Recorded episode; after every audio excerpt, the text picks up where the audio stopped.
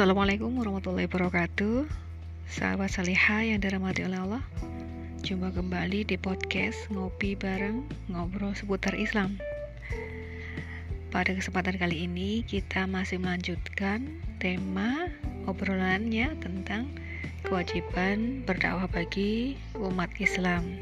Tanpa terkecuali ya tentunya ya Itu berlaku untuk laki-laki maupun perempuan kewajiban berdakwah itu. Jika sahabat soliha sudah sempat mendengarkan dua podcast yang telah saya sampaikan tentang kewajiban berdakwah ini di hari dua hari kemarin, perjumpaan kita kali ini dalam melanjutkan tentang apa yang sudah saya sampaikan kemarin itu. Kita awali dengan firman Allah dalam Quran surat Al-Qasas ayat 56 yang artinya sesungguhnya kamu tidak akan memberi petunjuk kepada orang yang kamu kasihi tetapi Allah memberi petunjuk kepada orang yang dihendakinya dan Allah lebih mengetahui orang-orang yang mau menerima petunjuk. Nabi Muhammad SAW yang diperintahkan untuk mengikuti Nabi Ibrahim alaihissalam juga diperintahkan lagi untuk mengajak siapa pun agar mengikuti pula prinsip-prinsip ajaran bapak para nabi dan pengumandang tauhid itu. Ayat ini menyatakan, wahai Nabi Muhammad, serulah yaitu lanjutkanlah usahamu untuk menyeru semua yang engkau sanggup seru kepada jalan yang ditunjukkan Tuhanmu yaitu ajaran Islam dengan hikmah dan pengajaran yang baik dan bantahlah mereka siapa pun yang menolak atau meragukan ajaran Islam dengan cara yang terbaik. Jadi di sini sahabat saleha Allah memerintahkan memerintahkan kepada Nabi Muhammad SAW untuk menyerukan untuk mendakwahkan Islam dengan cara yang hikmah, dengan cara yang baik. Ayat di atas juga dipahami oleh para ulama sebagai aktivitas yang merupakan bisa dijadikan sebagai usul dakwah ya para sahabat salihah mengapa? Karena itu nanti yang bisa dijadikan sebagai sarana bagi kita untuk mendakwahkan risalah Islam kepada berbagai macam kalangan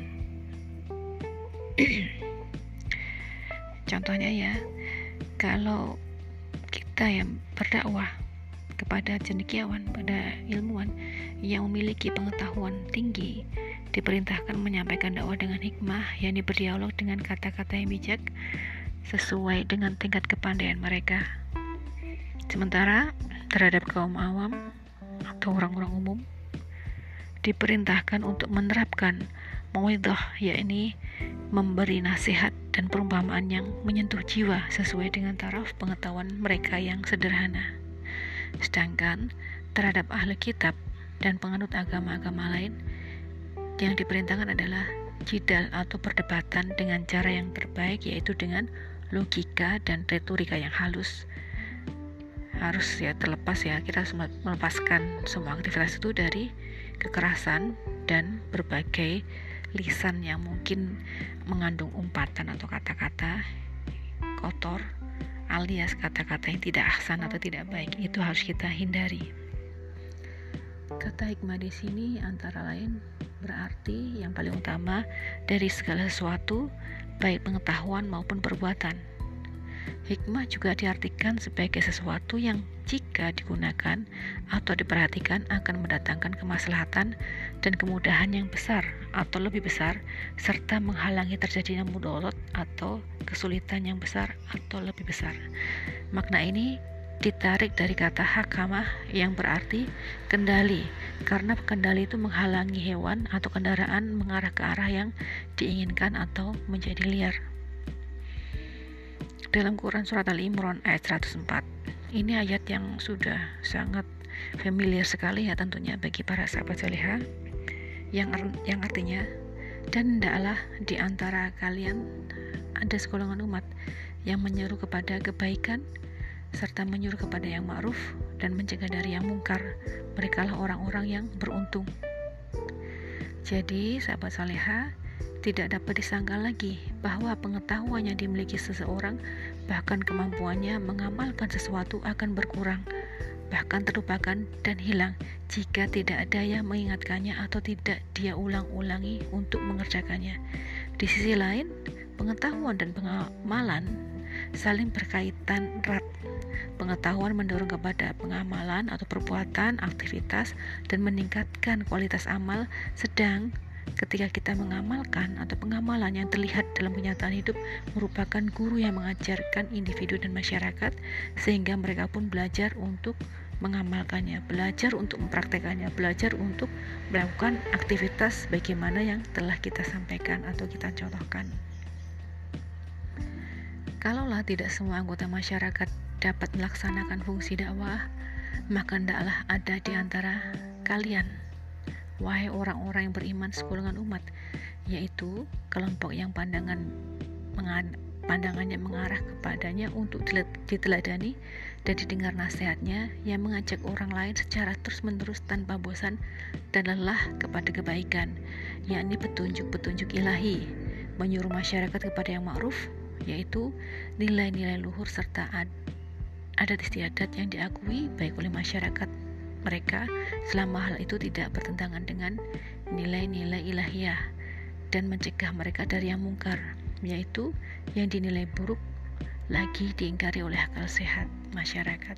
Jadi dimaksud di sini sahabat salihah ya, yang dimaksudkan terkait dengan adat istiadat di sini adalah adat istiadat yang biasa ya, biasanya ada dalam masyarakat, namun yang tidak melanggar syariatnya Allah itu masih bisa kita jadikan sebagai acuan ya. Dalam rangka apa? Dalam rangka supaya kita tuh bisa melebur dalam masyarakat yang sedang kita dakwahi. Karena tidak semua karena tidak semua masyarakat itu memiliki adat istiadat yang sama sebagaimana kita. Tentunya sahabat saleha paham benar ya bagaimana kondisi negeri kita Indonesia negeri kita Nusantara saat ini kan dengan berbagai macam suku bangsa yang tentunya mereka memiliki adat istiadat yang berbeda-beda. Nah, hanya saja adat istiadat itu manakala tidak melanggar syariatnya Allah, kita boleh pakai. Akan tetapi jika adat istiadat itu melanggar syariatnya Allah, kita harus hilangkan. Kita harus secara pelan-pelan memberikan gambaran kepada masyarakat terkait dengan ketidaklayaan adat istiadat yang sebenarnya tidak sesuai dengan syariatnya Allah ini butuh ilmu ya. Para sahabat Zulekha tidak kemudian kita serta merta mengatakan kepada masyarakat tanpa ada alasannya tepat atau tanpa melalui cara yang ma'ruf cara yang baik ini bisa jadi justru masyarakat akan menjauhi kita. Nah inilah pentingnya bagi kita untuk semakin mengasah ya mengasah cara mengasah usul-usul kita ketika akan berdakwah dalam lingkungan masyarakat. Dalam rangka apa? Ini dalam rangka supaya mereka itu mengindahkan tuntunan syariatnya Allah.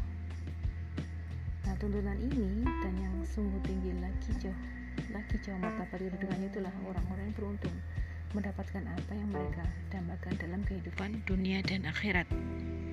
Harapannya tentunya seperti itu ya, para sahabat salihah terkait dengan apa yang akan kita sampaikan itu.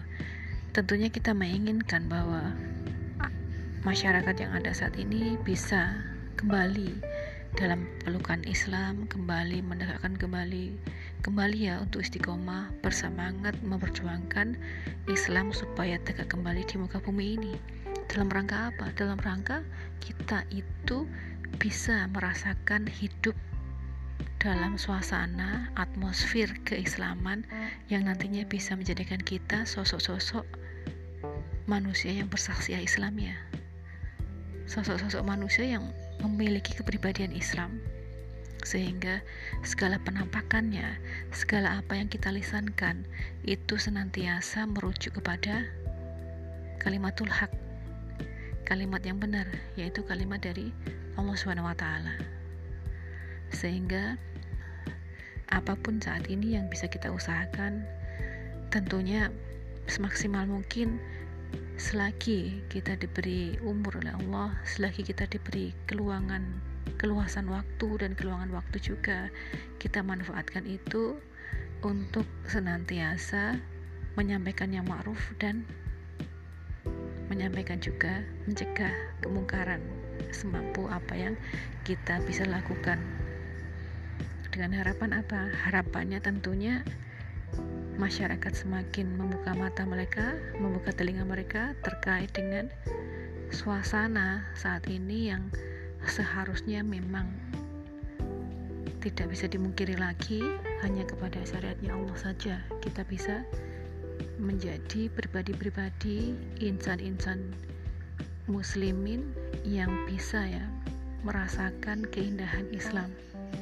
Kalau saat ini kita melihat fakta yang ada, terkadang kita tuh berusaha untuk menjadi sosok ya, sosok sosok-sosok yang berkeprib yang berkepribadian Islam dengan usaha, upaya ya, sekuat tenaga. Namun banyak sekali kalau kita dapati saudara-saudara kita umat Islam yang ada di luar sana itu mudah tergoda, mudah tergoyahkan keimanannya karena tidak ada penjagaan terkait dengan akidahnya. Untuk itu pentinglah bagi kita menyampaikan yang ma'ruf dan mencegah dari yang mungkar. Insya Allah itu saja yang bisa saya sampaikan. Kurang lebihnya mohon maaf. Wabillahi taufiq wal hidayah. Wassalamualaikum warahmatullahi wabarakatuh.